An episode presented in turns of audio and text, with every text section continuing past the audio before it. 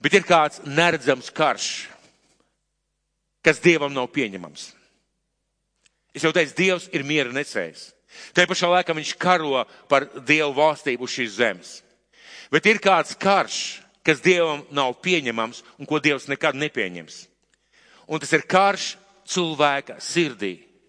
Karš cilvēka sirdī pret otru cilvēku.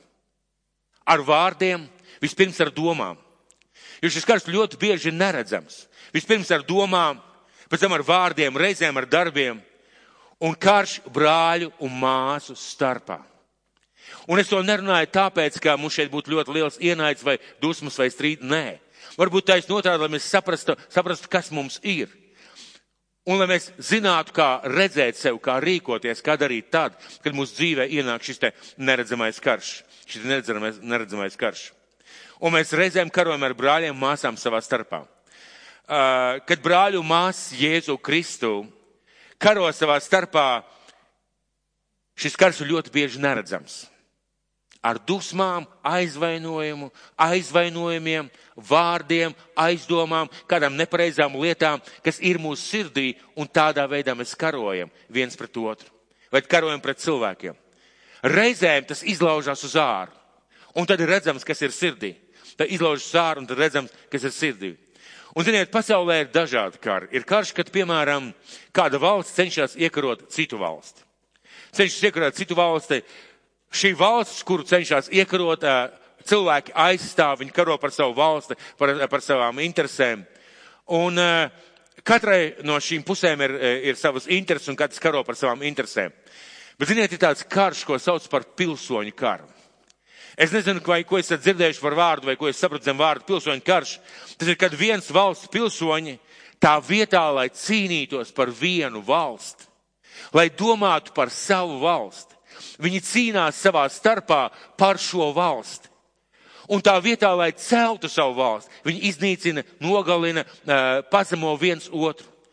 It kā labas lietas dēļ, lai šajā valstī būtu tā kārtība, kura, kurai, kurai ir jābūt. Bet patiesībā viņi cīnās viens pret otru. Tas ir pilsoņu karš, jeb brāļu karš, kā reizēm to sauc. Ziniet, un cilvēkiem var būt dažādi uzskati. Uzskati par, kaut, par dažādām lietām. Uh, mēs pat varam viens, viens otram neīpaši patikt. Piemēram, ir cilvēki, kuriem nepatīk skaļi cilvēki. Viņš ir kluss cilvēks, viņam skaļu cilvēku klātbūtnē grūti izturēties. Ir cilvēki, kuri nesaprot skaļus cilvēkus. Jo Dievs radīs gan ekstravertus, gan introvertus. Un ir cilvēki, kuriem nepatīk skaļi cilvēki, jo ne klusi cilvēki, nu, nu ko tu visu laiku klusē, nu ko tu tāds nomāk, nu ko tu tāds nospies, pats esmu dzirdējis tādu stāstu. Kādam nepatīk haotiski, jeb mākslinieki. Jūs zināt, kas ir mākslinieks? Viņš visu dara ar iedvesmu. Un tad, kad viņam nav iedvesmas, viņš nedara. un tu vari sēdēt turpat blakus un, nu, kad tu beidzot sāksi darīt? Un ir cilvēki, kas ir šie mākslinieki, kas nevar ciest pedantus. Nu, ko tu visu laiku par tiem sīkumiem tur vari kasīties? Skaties lielo bildi, skaties lielo ainu. Un, protams, ka bieži vien šiem cilvēkiem ir grūti būt kopā kaut kādā veidā. Bet, ziniet, ja tas ir, ja tas ir tā vienā ģimenē, ja vienā ģimenē cilvēku starpā ir šī nepatika vai nepati, nepieņemšana, ja cilvēki ģimenē viens otram nepatīk, tad tā ir traģēdija. Tad tā tiešām ir traģēdija. Un eh, šie cilvēki pat īstenībā nesaprot, kā strīdoties, dusmojoties, naidojoties savā starpā, viņi nevis vienkārši veido savu, savu dzīvi, bet viņi grauj savu dzīvi. Cilvēki grauj savu dzīvi. Un uh, tā ir traģēdija. Un padomāsim, kā jūtās tie vecāki, kuru bērni savā starpā tiesājās par mantojumu. Un tie ir šausmīgi stāsti, ka brālis ar māsu nerunā gadiem. Tie ir šausmīgi stāsti, ka brālis ar māsu nostājās e, tie, tiesā un liecina un apsūdz un aprunā viens otru. Tie ir šausmīgi stāsti. Un eh, man pat grūti iedomāties, kā jūtās vecāki. Kā jūtās vecāki tajā, tajā situācijā. Un patiesībā tas ir pretdabiski. Patiesībā tas ir pretdabiski. Ziniet, jo mums var būt draugi, mums var būt paziņas, mums var būt tuvi cilvēki, bet otra brāļa vai māsas nebūs.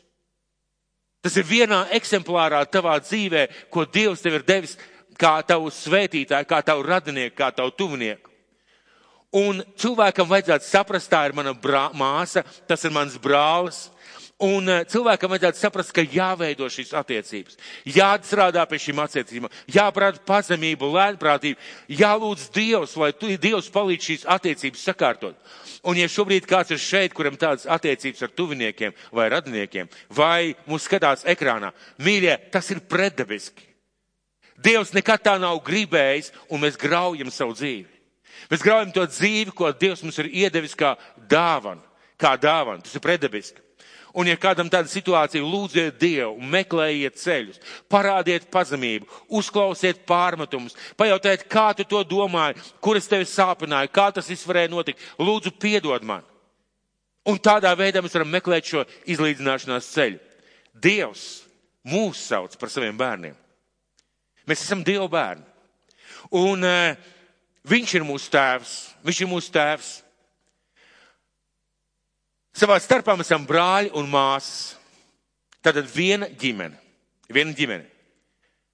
Un mūsu dabas tēvs ļoti vēlās, lai mēs viens otru atbalstam, lai mēs viens otru ceļam, lai mēs viens otru iedrošinam, mīlam, mēģinam, cenšamies saprast, cenšamies izprast.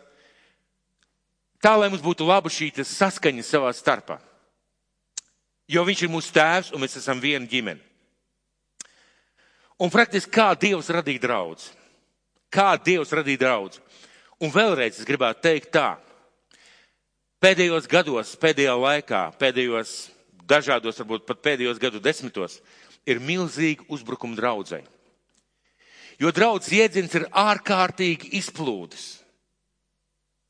Kādā ziņā? Visā pasaulē man ir brāļi un māsas kristieši. Āmen! Tā ir lielā Kristus miesa. Bet tad ir kāda Kristus miesa, kurai ir robežas, kas ir mana draudz.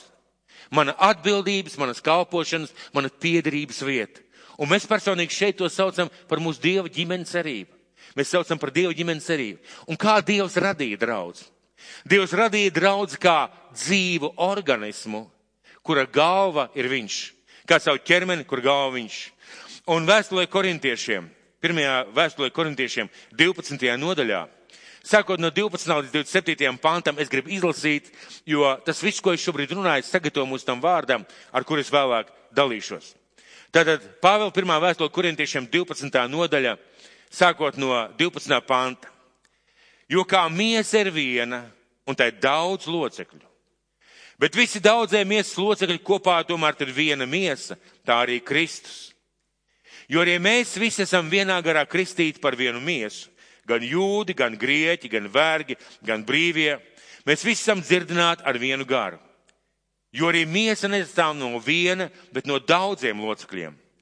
Ja kāja sacīt, tā kā es neesmu roka, es nepiedaru pie miesas. Tomēr tā piedar pie miesas. Un ja nu auss sacītu, tā kā es neesmu acs, tad es nepiedaru pie miesas. Tomēr tā piedar pie miesas. Ja visa miesa būtu acs, kur paliktu dzirde? Ja visa miesa būtu dzirde, kur paliktu oža? Bet Dievs locekļus ir nu, nolicis miesā ikvienu savu vietā, kā viņš gribēja. Bet ja tie visi būtu vienas locekļi, viens loceklis, kur paliktu miesa? Bet tagad ir gan daudz locekļu, bet viena miesa. Acis nevar sacīt rokai, man tevis nevajag.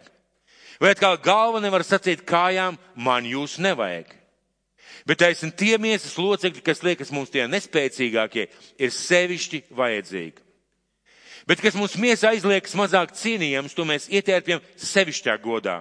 Un mūsu nepieklājīgi locekļi dabū sevišķu godu. Bet pieklājīgiem tas nav vajadzīgs. Bet Dievs miesu ir tā sastādījis, ka mazāk cienītam loceklim piešķīrs lielāku cieņu. Lai neceltos miesā šķelšanās, bet locekļi saticīgi gādātu cits par citu. Un kad viens loceklis cieš, tad visi locekļi cieš līdzi. Vai kad viens loceklis top godāts, tad visi locekļi priecājas līdzi. Bet jūs esat Kristus miesa un katrs par sevi locekļi. Kā viņš to rakstīja? Jā, viņš rakstīja visai pasaulē, bet viņš rakstīja vēstulē korintiešu draudzē. Jo viņu draudzē bija tā situācija, ka viens teica, es esmu jūds, es esmu grieķis, es esmu vergs, esmu brīvais, a man ir tāda dāvana, a man ir tāda dāvana, es daru to, a es daru to, un Pāvils raksta, jūs esat viena miesa. Un jūsu draudzē ir robežas, jūs esat korintiešu draudz, jūs draudzē ir robežas. Ko man tas pasaka? Man tas pasaka, ka nav tāda izplūtušā jēdziena, es esmu Kristus miesas loceklis. Āmen. Bet kurā vietā tu kalpo? Kurā vietā tavu piedarības vieta? Kurā vietā, vieta ir tā, kurā tu mācies pieņemt citādus cilvēkus? Citādu izskatu, citādām domām, citādu temperamentu, kurā vietā ir tā vieta, kur tu mācies tādus cilvēkus pieņemt. Un iedomāsimies, ka jūs kājā, ziniet, kājā ir divi kauli. Šis apakšējais un šis augšējais. Māsa noteikti varētu pateikt, kā viņus sauc, pareizi. Es, es nemēģināšu minēt, jo es noteikti kļūdīšos. Un tagad iedomā, kā lūdzu? Jā, tur, tur, tur viens un tur divi, jā. Tātad trīs izrādās, nav vairs divi, bet trīs. Nu, un tagad skatieties. Mūsu, uh, uh, mūsu attiecības savā starpā ir kā tās attiecības starp šiem kauliem. Un atkal medicīniski būtu grūti izskaidrot, bet es saprotu, ka šajā vietā ir kaut kāds kā šķidrums, kā kaut kāda tāda, tāda viela, kas palīdz tiem kauliem kustēties savā starpā. Un attiecības, sabojātas attiecības ir kā iekaisums šajā te vielā vai, vai iztrūkums šīs vielas vai sabojāt šī viela. Rezultātā jūs nevarat pastaigāt, jums sāp gan visa kāja, gan jums organismā sāp, gan katrs tas kauls nestrādā atsevišķi tā kā vajag. Un tad mēs zemam gems ar, ar atsperi. Tad mēs skatāmies internetā un pērkam šīs tabletes, pareizi. Bet, mīļie, runa ir par to, ka ja miesā, ja man ar brāli vai ar māsu ir šīs te saspīlētās attiecības, tas nozīmē, ka ir šis karš, kura rezultātā šis neredzamais karš, kur rezultātā kā ir iekaisus un nestrādā tā, kā vajadzētu. Nestrādā tā, kā vajadzētu. Un svētais gars caur apustulu Jāni pirmajā vēstulē, Jāņa vēstulē. Jāņa pirmā vēstule, 4. nodaļa, 7. 8. pants. Jāņa pirmā vēstule, 4. nodaļa, 7. 8. pants. 4. nodaļa, 7. 8. pants. Mīļie, mīlēsim citu citu, jo mīlestība ir no Dieva. Un katrs, kas mīl, un es gribētu šeit lietot vārdu citu Jo katrs, kas mīl citu, ir no dieva dzīves un atzīst dievu. Kas nemīl citu, nav dievu atzinis, jo dievs ir mīlestība. Un 19. pants - mīlēsim, jo viņš ir mūsu pirmais mīlējs. Ja kāds saka, es mīlu dievu un ienīst savu brāli, tad viņš ir melis. Jo kas nemīl savu brāli, ko viņš ir redzējis, nevar mīlēt dievu, ko viņš nav redzējis. Un šis bauslis mums ir no viņa, ka tam, kas mīl Dievu, būs mīlēt ar savu tuvāko. Un mēs ļoti bieži sev mierinam, es taču neienīstu. Man tas cilvēks īsti nepatīk. Mūsu starpā ir tāds tā kā konflikts, tā kā nepatika. Un pat ja mēs sasveicinamies, un ziniet, mēs kristieši mākam, un paldies Dievam, sasveicināties, paspiest roku, pateikt, lai Dievs tev svētī. Bet šis neredzamais karš, kas ir sirdī, Dievs viņu redz. Dievs to karu redz. Un es varu smaidīt, es varu raudāt, es varu priecāties. Dievs to karu redz. Un Dievs redz, ka tavā sirdī ir pilsoņu karš. Un Dievs nekad to nepiedod un neļauj, neļauj tam tā palikt. Dievs vienmēr cenšas mainīt šīs situācijas. Dievs vienmēr cenšas mainīt šīs situācijas. Kas notiek, ja mūsu starpā, ja mēs dzīvojam nemīlestībā, nevienprātībā, raksturu dēļ, viedokļu dēļ, vērtību dēļ, varbūt uzskatu dēļ, tad nenozīmīgu lietu dēļ. Es nerunāju par mācību. Jo, redziet, ir cilvēki, kuri gribētu, lai viņus ļoti mīl, bet viņi, piemēram, māca, ka Jēzus nav kungs. Bet mīliet mani. Viņi, piemēram, māca, sievietes nedrīkst kalpot draudzē, bet mīliet mani. Sievietēm jānāca lakatiņi, bet mīliet mani. Uh, uh, tas nav kārtībā, tas nav kārtībā, tas nav kārtībā. Visam jābūt savādāk.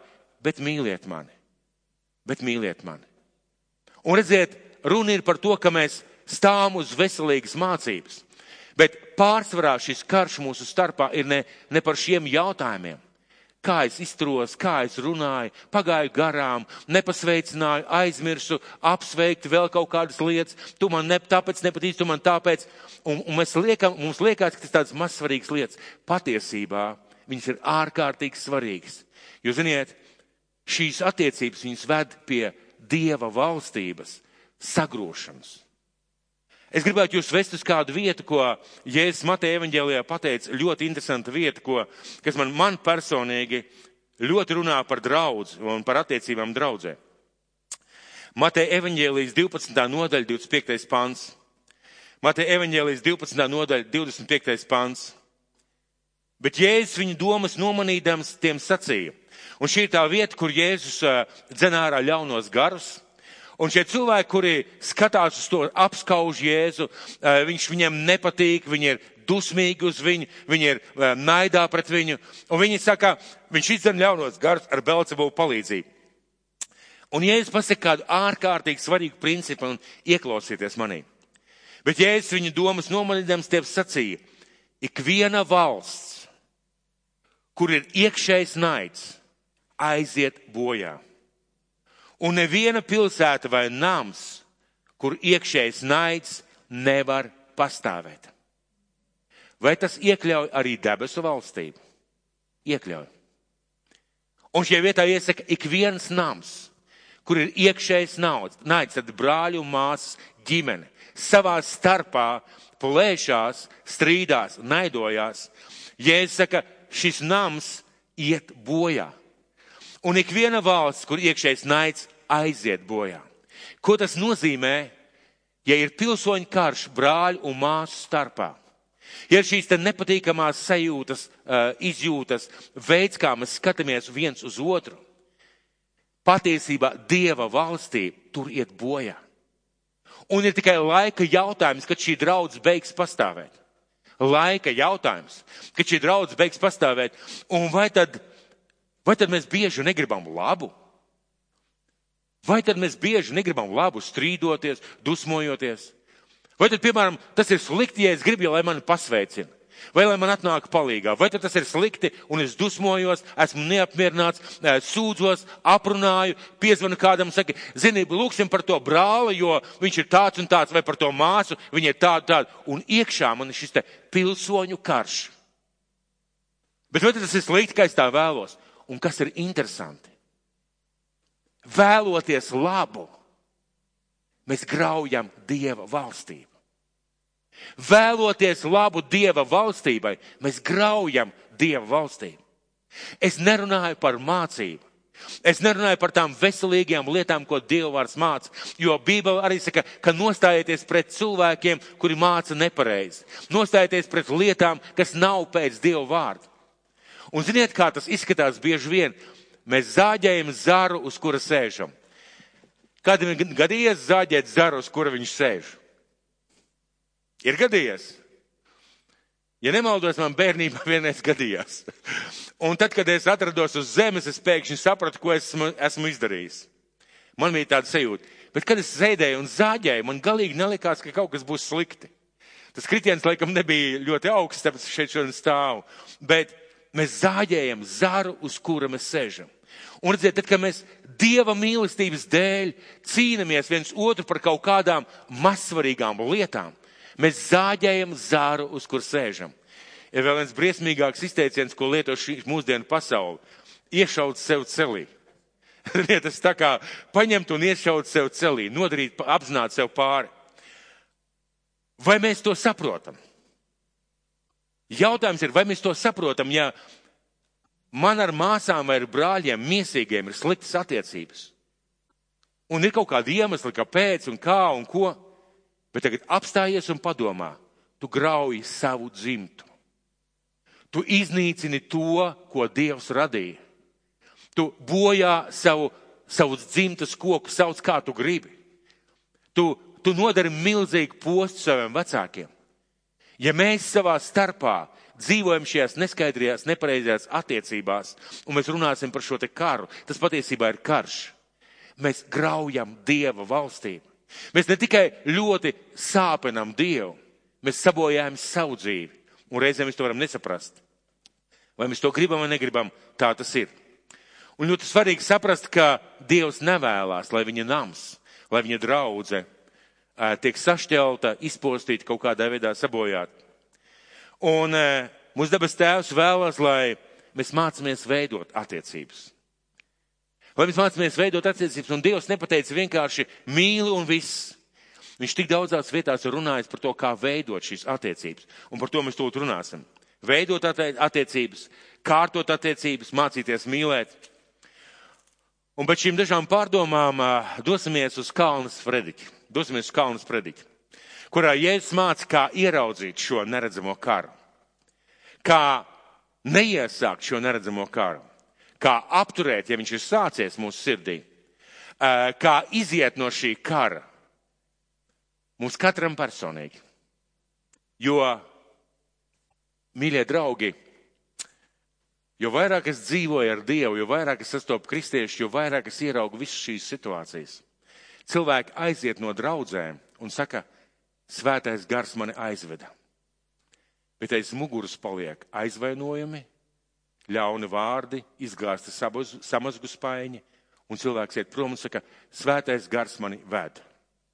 Un tu skaties pēc kāda laika, uz kurien šis cilvēks ir devies, nu nav tā debesu valstība, kurā viņš ir nonācis. Nav tā paradīze, nav tie apsolījumi, nav tās lietas, kuras viņš cerēja vai sapņoja. Cilvēki ļoti bieži ir dusmīgi uz mācītājiem. Es teiktu, ne tagad par sevi, jūs visi mani mīlat, es skaidri to zinu. Ziniet, kāpēc? Jo mācībā ir tas cilvēks, kurš kaut kādā veidā runā, mēģina kaut ko pateikt, izstāstīt, aizrādīt. Ne tā pateica, ne tā izteicās, ne tā rīkojās. Es vēl kā tagad atceros savu neprātīgo, nesavaldīgo rīcību, es atzīstu, tā bija nesavaldīga līdzība, ka es lūdzu, mīļie cilvēki, lūdzu pierakstiet tas, ko es jums gribu teikt, ir ļoti svarīgi. Un ticiet vai nē, es skatos uz zāli, kādi pieci cilvēki sarosās, paņem rakstāmo, un kādi, neteikšu cik. Es saku, mīļie, paņemiet lūdzu rakstāmos, vajadzēs pierakstīt. Es nesavaldījos. Un ziniet, kas pēc tam bija? Mācītāji. Es teicu, es nokāpu lejā šeit un es teicu, ja kādam vajag pilspālu, es iedošu. Ja kādam vajag papīru, es iedošu, lūdzu, bet lūdzu pierakstiet. Un ziniet, ko man pēc tam teica? Mācītāji, kā tu tā varēji pateikt? Tas bija tik negarīgi un tik slikti. Un vispār tev ir jāsaprot, ka mēs tagad esam daudz uz tevi dusmīgi. Redziet, mācītājiem ir tā nelaime, ka viņi māca, bet ziniet ko? Mācītājs neies pa priekšu jums dabas valstībā un neaiz, neies arī aiz jums. Un viņš neies kopā ar jums arī. Mēs katrs personīgi iesim dabas valstībā. Un mācītājs atbildēs par to, ko viņš mācīja. Un redziet, ļoti bieži cilvēku dzīvē ir šī karš pret mācītāju vai pret kādiem kalpotājiem. Vai taisn otrādi pret kādiem cilvēkiem draudzē šis iekšējais pilsoņu karš. Šis iekšējais pilsoņu karš. Un es gribētu tagad iet uz Kalnu svētrunu. Vai Jēzus par to kaut ko pateica? Ļoti interesanti, ka Kalnu svētrunā, Kalnu sprediķī, Mateja evaņģēlīs, piektā nodaļa, mēs dosimies uz Kalnu svētrunu, Kalnu sprediķi piekto nodaļu, 21. līdz 26. pants. Kalnas prediķis Mateja evaņģēlīs, piektā nodaļa, 21. līdz 26. pants. Pievērsiet uzmanību. Tā ir trešā lieta, ko Jēzus gandrīz pasaka. Varbūt ceturtā, bet uh, trešā lielā. Pirmā lieta viņš pasaka, kas ir svētīgi. Tad viņš pasaka, jūs esat saules, gaisma un pilsēta kalnu galā. Un tālāk viņš nonāk pie vārdiem, kas ir sākās ar 21. pāntu. Mēs kopā lasīsim un pārunāsim. Mēģināsim izlasīt, pēc tam runāsim par dažiem pantiem. Jūs esat dzirdējuši, ka vecajiem ir sacīts, tev nebūs nokaut. Un kas nokauj, tas sodāms tiesām. Bet es jums saku, Kas uz savu brāli dusmo, tas sodāms tiesā. Bet kas saka uz savu brāli ģeķis, tas sodāms augstā tiesā. Bet kas saka bezdievis, tas sodāms ēles ugunīs.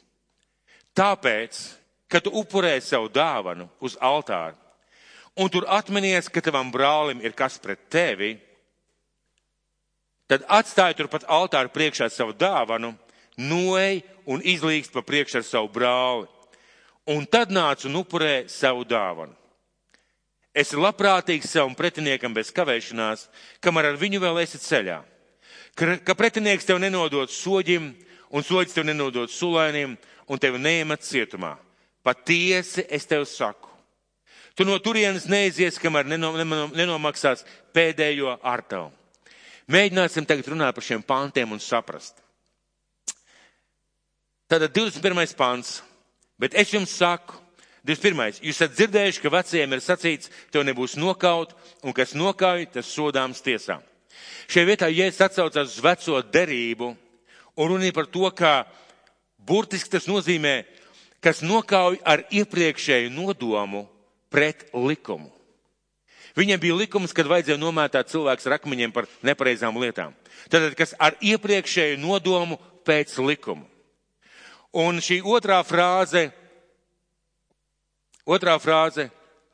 Tev nebūs nokaut. Un kas nokauj, tas sodāms tiesā. Tātad, kas nokauj apzināti un ne pēc likuma, tas sodāms tiesā. Iesaka, tāda bija vecā kārtība. Un tālāk viņš saka, bet es jums saku, kas uz savu brāli dusmo, tas sodāms tiesā. Kas uz savu brāli dusmo, tas sodāms tiesā. Parunāsim par dusmām. Vai dusmas ir kaut kas grēcīgs? Tad jau Dievs ir grēkojis, jo Dievs dusmojās. Tad jau Jēzus ir grēkojis, jo Jēzus dusmojās. Rakstīts, iegā, iegājot templī un redzot tos visus augstus, viņš palika dusmīgs. Nedaudz parunāsim par to. Jo, ziniet, lieta ir tāda, ka dusmas ir cilvēkam dota dieva īpašība, jeb emocionāla reakcija uz šķietamu netaisnību, un tas ir instruments, ko Dievs devis, lai cilvēks izpaustu savas emocijas. Dusmas, jeb spēja dusmoties, ir no Dieva. Arī Dievs dusmojās. Par to mēs nedaudz parunāsim. Un cilvēkam ir tiesības dusmoties. Ja, ja, ja, ja pret viņu izturās nepareizi, negodīgi, netaisnīgi, cilvēkam ir tiesības dusmoties. Bet die, dusmas var būt divējādas. Viņas var būt dievbijīgas un nedievbijīgas. Jautājums ir par motīvu.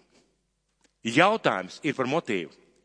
Ja, piemēram, mans kaimiņš man sadauzītu mašīnu un teikt, hāj, sīkums, hāj, nieki, beidz, ko tu pārd, es būtu dusmīgs. Jo viņa reakcija, viņa rīcība ir netaisnīga. Un man būtu taisnīga. Ja esmu dusmīgs par to, ka man nepasveicināja, vai ka neizdabāja man kaut kādā lietā, vai ka man kaut, pret man kaut kā savādāk kaut ko pateica vai izdarīja, un esmu dusmīgs, tāpēc nebūtu kārtībā. Un eh, arī dusmas var izpausties, ja reakcija dusmās var būt dažāda.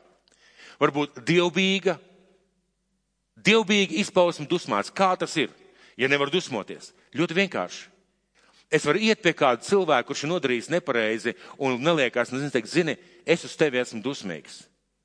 Man ir tiesības tā teikt. Jo tu izdarīji to, to, to un to. Es esmu dusmīgs.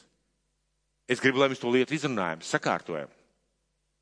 Bet es varu sākt lādēt, es varu sākt aprunāt, es varu sākt kliegt, es varu sākt parādīt savas emocijas, un es varu nediev, nedievbijīgā veidā parādīt savas dusmas, atmaksājot, ienīstot un turot dusmas uz cilvēku. Ir dievbijīgs veids un nedievbijīgs veids, kā es varu izpaust tos dusmas. Un man ir tiesības būt dusmīgam. Mīļie, jums visiem ir tiesības būt dusmīgiem. Jautājums ir, kā šīs dusmas izpaužās, ko mēs ar viņas darām un arī motīvs, kāpēc mēs esam dusmīgi. Vispirms ir jautājums, kāds ir iemesls? Ļoti bieži mūsu dusmām iemesls ir nevis netaisnīga rīcība, bet egoisms, mans egoisms. Esmu dusmīgs, jo man likās, ka tas man pienākās, pieder, un man to neiedeva, un es esmu dusmīgs. Bieži vien šis motīvs var būt sautīgs. Es gribēju līgi no tevis kaut ko dabūt, un nedabūju. Un tagad esmu dusmīgs uz tevi. Piedod, tikai līdzību. Es gribēju, lai man dara to vai to, un es to nedarīju, nedabūju. Es esmu dusmīgs. Es gribēju, lai man ievēl parlamentā, mani neievēlēja un tagad esmu dusmīgs uz tiem nepateicīgiem vēl, vēlētājiem. Es esmu dusmīgs. Vai arī kāds paštaisnības moments, kad man, mans, man egoisma moments, kas nospēlē šajā situācijā, kad es nedabūju to, ko es gribēju dabūt. Un arī, ja otrs jautājums, kā izpaužās manas dusmas? Manas dusmas izpaužās spontāni, nekontrolēti, graujoši, vai audzinoši, mīļi un pamācoši? Vai vārdā es esmu uz tevi dusmīgs, ir kaut kas grēcīgs? Ja to saka normālā tonī, normāli runā, normāli uztaisa sarunu. Tur nav nekā grēcīga. Ziniet, kāpēc? Esat lasījuši, ka Dievs ir dusmīgs? Esat lasījuši? Un kā Dieva dusmas izpaužās? Nāk pērkoņi, zibeņi, pēkšņi parādās tornādo, pasaulē viss sagriežās otrādi. Nē, Dievs kontrolē savas dusmas un viņš dara lietas, lai cilvēki mainītos. Bet viņš ir dusmīgs. Jūs atceraties Jēzu. Viņš iet templī, vienā no evaņģēliem, un viņš kļūst dusmu pilns, redzot tur pilnu ar šiem naudas pārdevējiem, naudas mainītājiem un pārdevējiem. Un ko viņš izdara? Vai jūs atceraties? Rakstīts, viņš apsēdās, apsēdās, nopina pātagu, viņš nekliedza, neauroja, nebļāva, nopina pātagu un sāka mērķiecīgi strādāt. Izzina viņus visus ārā no tempļa. Vai viņš sagrēkoja? Nē. Viņš ar savu rīcību kontrolētām dusmām viņš parādīja, kas ir pareizi un kas ir nepareizi. Kas ir pareizi, kas ir nepareizi. Dievs dusmojās, Jēzus dusmojās, bet kā izpaudās šīs dusmas? Un otrē, 22. pants. Bet es jums saku, kas uz savu brāli dusmo, tas sodāms tiesā. Ko šajā vietā Jēzus domāja ar dusmām? Ja šie vietā runā par netaisnām dusmām, kad mēs savā sirdī it kā nogalinām otru cilvēku, jo tiek salīdzināts ar nogalināšanu priekš attiecībām ar sevi. Mēs it kā šo cilvēku nogalinām priekš attiecībām ar sevi, ar savu iekšējo sajūtu, domu vai attieksmi pret šo cilvēku. Ziniet, eh, vai jūs esat dzirdējuši tādu, tādu teicienu, negribu redzēt? Negribu redzēt. Esat dzirdējuši, jā? Ja? Izklausās diezgan nevainīgi, pareizi. Bet nedaudz paspēlēsimies ar vārdiem. Negribu redzēt, neieredzu, neredzu, neieredzu. Viens un tā pati doma. Es šo cilvēku negribu redzēt, jo es viņu neieredzu. Un šajā vietā, kad Jēzus runā par dusmām, viņš domā tieši tādu attieksmi. Es šo cilvēku neieredzu, un esmu dusmīgs uz viņu. Un eh, šīs dusmas nozīmē trūlu, visaptverošu nocietināšanos pret kādu cilvēku. Šīs dusmas nozīmē trūlu, visaptverošu nocietināšanos pret kādu cilvēku. Un ar ko šīs dusmas ir bīstamas? Pirmām kārtām, cilvēks nodara pats sev pāri. Viņš sevi ieliek šajā cietumu, dusmu cietumā, un arī to cilvēku viņš iebāž kaut kādā cietumā, Un parasti šīs dusmas izpaužās kaut kā nekontrolēti. Realtātē viņš izpaužas kaut kādā nekontrolētā veidā. Un noved pie veselas traumām, cilvēku dzīves problēmām, pašu personīgā dzīves. Pie citu aprunāšanas, eh, nicināšanas vai ienīšanas. Negribu redzēt, ja neieredz. Reizē mēs varam priecāties, ka savaldījāmies. Un paldies Dievam! Mums ir jāstrādā pie savu emociju izpausmēm. Bet Jēzus šajā vietā runā, ka kas pret savu brāli, uz savu brāli dusmojās tādā veidā, tas, tas ir sodāms tiesā. Tas ir sodāms tiesā, ja kāds dusmojās tādā veidā. Bet Jēzus grib, lai mēs savus dusmas mākām kontrolēt ar savu domu, domu līmenī. Otrs, otra frāze, bet kas ir savu, savu brāli ģeķis? Kas saka uz savu brāli ģeķis? Īstais vārds šim vārdam ģeķis, jeb muļķis, ir vārds no ebreju valodas raka.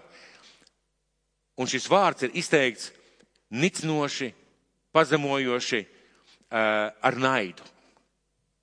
Un iesaka, kas tā saka uz savu brāli, nicinoši, pazemojoši ar naidu, tas ir sodāms augstā tiesā.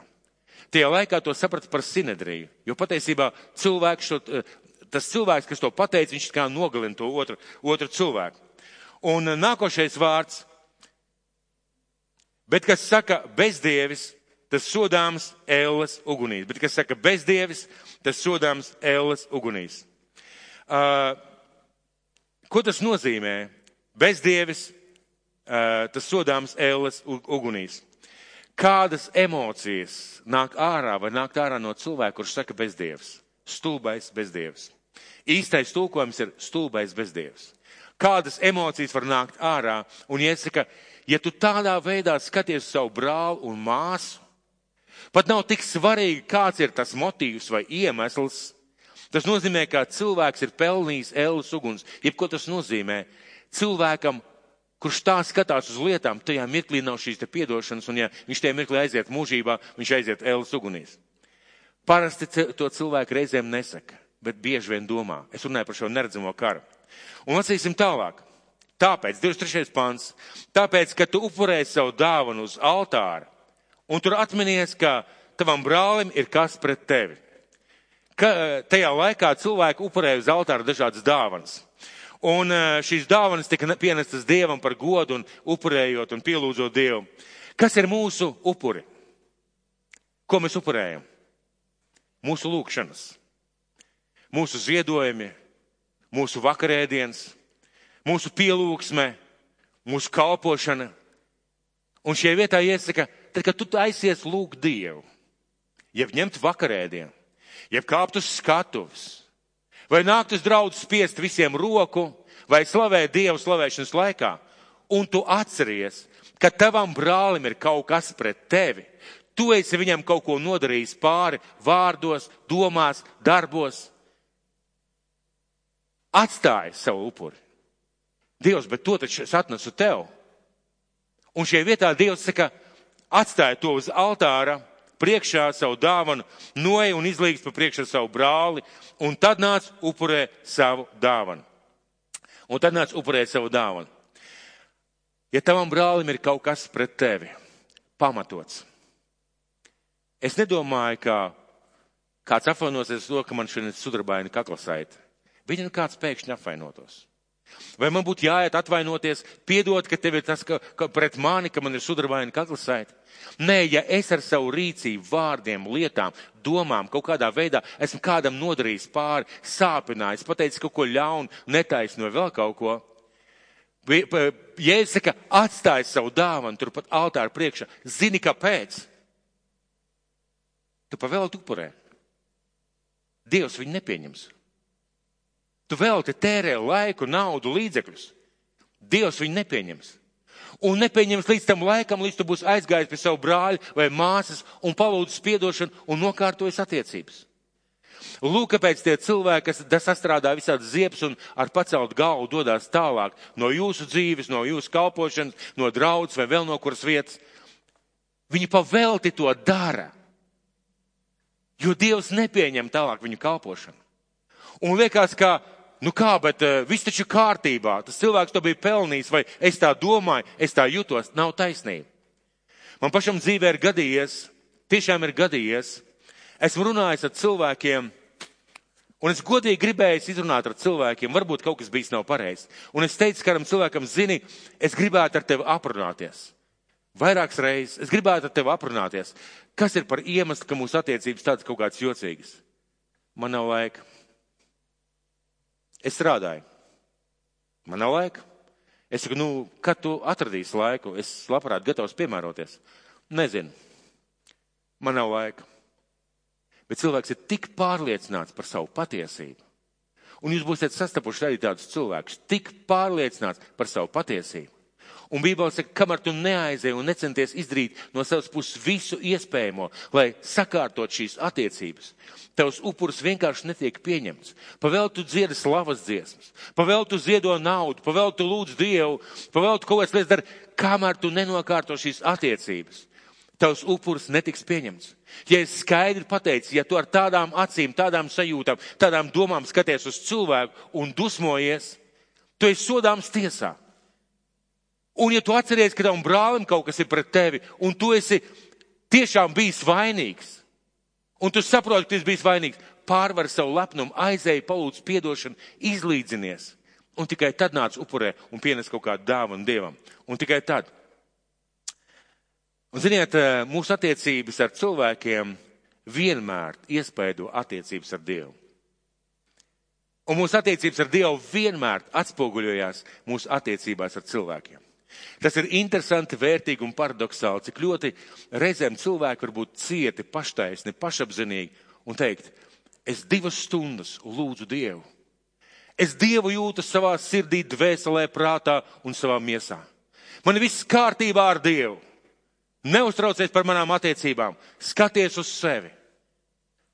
Cilvēks būtu tik pārliecināts, bet mēs lasīsim tālākos pantus. Un skatieties, 25. pants, esi labprātīgs savam pretiniekam bez kavēšanās, kamēr ar viņu vēl esi ceļā. Šajā vietā Jēzus runā par to, ka kamēr tu vēl esi ceļā uz mūžību, un tev kāds cilvēks, kuram tas nodarīs pāri, viņš ir tavs pretinieks, ja tā varētu teikt, tu esi nostājis viņam pretī. Jēzus saka, esi labprātīgs ar viņu, kamēr vēl esi ceļā, izlīgst ar viņu, sakārto lietas, izdara visu, kas ir vajadzīgs no savas puses, saved kārtībā savas attiecības. Un mēs esam ļoti daudz ko rīkojušies nepareizi un darījuši nepareizi. Tad uh, izlīgst, ar to, izlīgst ar to cilvēku. Ka pretinieks tev nenodod soģim. Ka šis cilvēks, kam tas nodarīs pāri, un pat cilvēks varbūt nelūgs Dievs, sodi viņu. Bet tava rīcība liek nostāties Dievam pret tevi kā pretiniekam. Ja es neizlīgstu ar to cilvēku vēl pa ceļam, kamēr mēs ejam, kamēr vēl ir iespēja izlīgt, Dievs nostājās man par pretinieku. Un tad, kad viņš nostājas par pretinieku, viņš kļūst par soģi man. Un, kad viņš kļūst par soģi man, lasīsim tālāk, ka pretinieks tev nenodod soģiem un soģis tev nenodod sulainim un tevi neiemet cietumā. Patiesi es tev saku, tu no turienes neizies, kamēr nenomaksāts pēdējo arto. Jēzus laikā bija tāda kārtība, ka parādniekus iemeta cietumā, un e, viņi netika ārā tik ilgi, kamēr kāds par viņiem nesamaksāja, neapžēlojās un nesamaksāja par šiem cilvēkiem. Un, ja neviens neapžēlojās un nesamaksāja par šiem cilvēkiem, šie cilvēki tā arī pavadīja visu mūžu, savu mūžu dzīvē, savu dzīvi e, cietumā.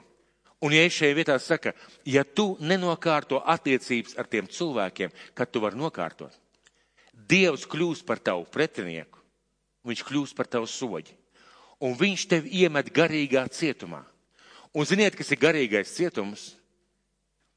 Tu dari daudzas lietas, tev liekas, ka viss ir kārtībā. Patiesībā tavā dzīve vairs nav Dieva svētības. Tavā dzīve vairs nav Dieva aizsardzības. Tavā dzīve vairs nav, nav nekādu lietu, ko Dievs gribētu tev iedot, bet vairs nevar. Jo, viņ, jo, jo viņš šobrīd ir nostājies kā tavs soģis. Un viņš ir tevi ielicis šajā garīgajā cietumā. Ko tas nozīmē? Tas nozīmē, ka Dieva svētības nav pār tevi. Un tu ej, tu cīnies, tu dari, un tu brīnies, kāpēc tev neizdodas, kāpēc kādas problēmas, kāpēc kādas slimības, kāpēc nav miera, kāpēc nav prieka. Tu esi šajā garīgajā cietumā. Un šeit Bībele saka, patiesi es tev saku, tu no turienes neizies, kamēr nenomaksāts pēdējo ar tevu. Ko nozīmē nomaksāt pēdējo ar tevu? Kamēr tu beidzot beidzot nācis pie saprašanas, ies pie tā cilvēka un teiks, piedod man, piedod man. Es darīju nepareizi, es runāju nepareizi, domāju nepareizi, rīkojos nepareizi. Piedod man. Un tad, tad Dievs tevi izlaiž ārā no šī cietuma, tā varētu teikt. Kamēr mēs nesalīdzināmies ar cilvēkiem, mēs esam šajā garīgajā cietumā. Kāpēc Jēzus šos vārdus pateica? Tas bija laiks, kad viņš veidoja savus mācekļus. Un, ziniet, vislielākais un smagākais karš, kas patiesībā tiek izcīnīts uh, visas kristietības vēsturē, visas kristietības vēstures laikā, nav karš ar sātanu. Nav, nav karš ar ļauniem cilvēkiem, ar ļauniem vēlna darbiem. Vislielākie kari ir bijuši brāļu un māsu starpā vislielākās, nepareizākās lietas. Piemēram, kurš, kur no jums, kam, kuram no jums ir nodarījis pāri, personīgi jums nodarījis pāri valdību? Ir kāds cilvēks? Not personīgi ņēma un kaut ko nodarīja pāri. Nevienam pareizi. Vai šeit kāds, kuram personīgi policija nodarīja kaut ko pāri? Diez vai, diez vai. Man arī reizēm nodarīja, man arī var nodarīt pāri. Es braucu 150 par Rīgu, un man lika samaksāt sodu naudu. Man arī nodarīja. Šausmīgi jūtos aizvainots. Bet vai jums nodarījis kādreiz pāri kāds brālis un māsa? Un īstenībā tā ir ikdiena, pareizi. zināmā mērā tā ir ikdiena. Un kad Jēzus runāja par šīm lietām, viņš runāja par to, ka ieraugiet šo neredzamo karu. Iemācieties uzvarēt šajā neredzamajā karā. Iemācieties savaldīties, iemācīties, iemācīties dusmās pareizi runāt, pareizi rīkoties. Iemācieties, lai tas, kā jūs skatāties uz citiem cilvēkiem, nenogalina viņus šajā garīgajā pasaulē. Jēzus tikko dibināja draudz, viņš mācīja savus mācekļus, un viņš mācīja mīliet viens otru. Jūs būsiet tik dažādi, tik interesanti, tik krāsaini, tik neaprakstāmi. Jūs zināt, ka mēs ik viens esam neaprakstāms. Zinat, jā? Ja? Kad es skatos uz sevi, es varu teikt, es esmu neaprakstāms. Vienu dienu dara tā, otru dienu dara tā, trešā dienā dara tā. Vienkārši neaprakstāms. Un iemācieties pieņemt, cienīt, mēģināt saprast, mēģināt iejusties, mēģiniet parādīt pazemību, lēnprātību, izprast to otru cilvēku. Un lai jūsu sirdī nav šīs dusmas, kas nogalina otru cilvēku. Lai jūsu vidū nav šī brāļu un māsu kara. Un šeit es gribētu teikt āmen. Āmen.